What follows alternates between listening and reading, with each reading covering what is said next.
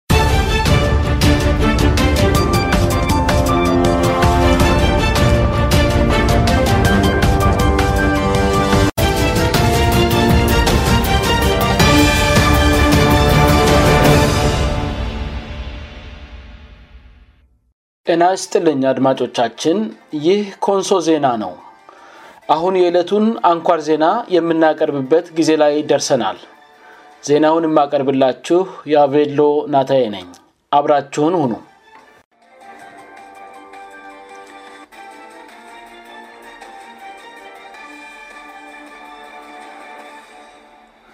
ርእስ የዜናውን በማስቀደም የሌት ሙስ ሰኔ 24 ቀን 2013 ዓም አንኳር ዜናውን አሰማለሁ የኮንሶ ዞን ትምህርት መምሪያ የ8ምተኛ ክፍል ክልላዊ ፈተና ለመስጠት ዝግጅት ማጠናቀቁን አስታወቀ የኮንሶ ዞን ትምህርት መምሪያ በክልል አቀፍ ደረጃ ከአንደኛ ደረጃ ትምህርት ወደ ሁለተኛ ደረጃ ትምህርት ለመሸጋገር ለተማሪዎች የሚሰጠውን የ8ም ክፍል ፈተናን ከሰኞ ጀምሮ ለመስጠት ዝግጅት ማጠናቀቁን በመምሪያው የፈተናና መዘና ዳይረክተሮት የስራ ቡድን መሪ ኃላፊ አቶ ኦርካይዶ ጌታ ለኮንሶ ዜና ገለጹ ፈተናው በክሌል አቃፍ ደረጃ ከመጪው ሰኞ ሰኔ 28 እስ30213 ዓም እንደምሰጥ የገለት ኃላፊው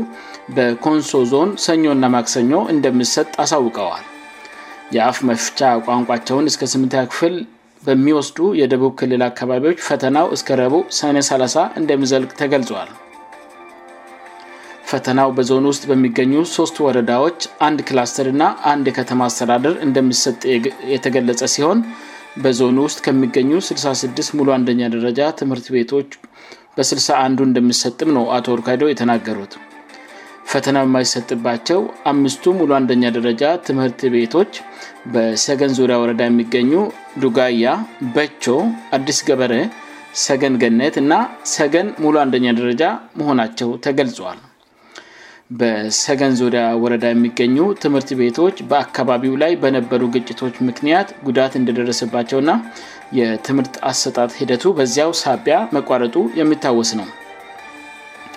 በዝግጅት በኩል ፈተናዎቹ በየወረዳዎቹ መድረሳቸው የተገለጸ ሲሆን ለፈተናው መጀመሪያ ዕለት 2ለት ቀናት ሲቀሩ ወደ የትምህርት ቤቶቹ እንደሚሰራጭ ሀላፊው ጨምረው ተናግረዋል እስካአሁንም በወረዳ ደረጃ የፈተና አሰጣት ሂደቱን ለሚመሩ ሃላፊዎች ኦረንቴሽን መሰጠቱን የተናገሩት ሃላፊው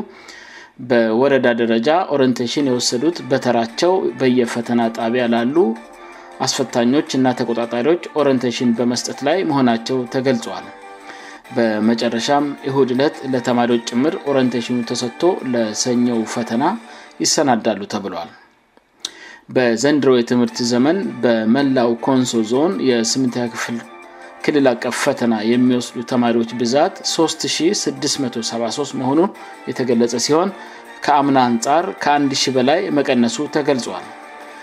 በዚሁ አመት የተሰጠውን የባለፈው ስምታ ክፍል ክልል አቀፍፈተና የወሰዱ ተማሪዎች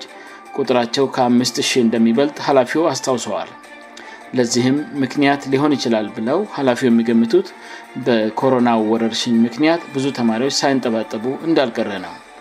ጉዳዩ ትኩረት የሚሻ መሆኑንም ሀላፊው ተናግረዋል ይህ ኮንሶ ዜና ነው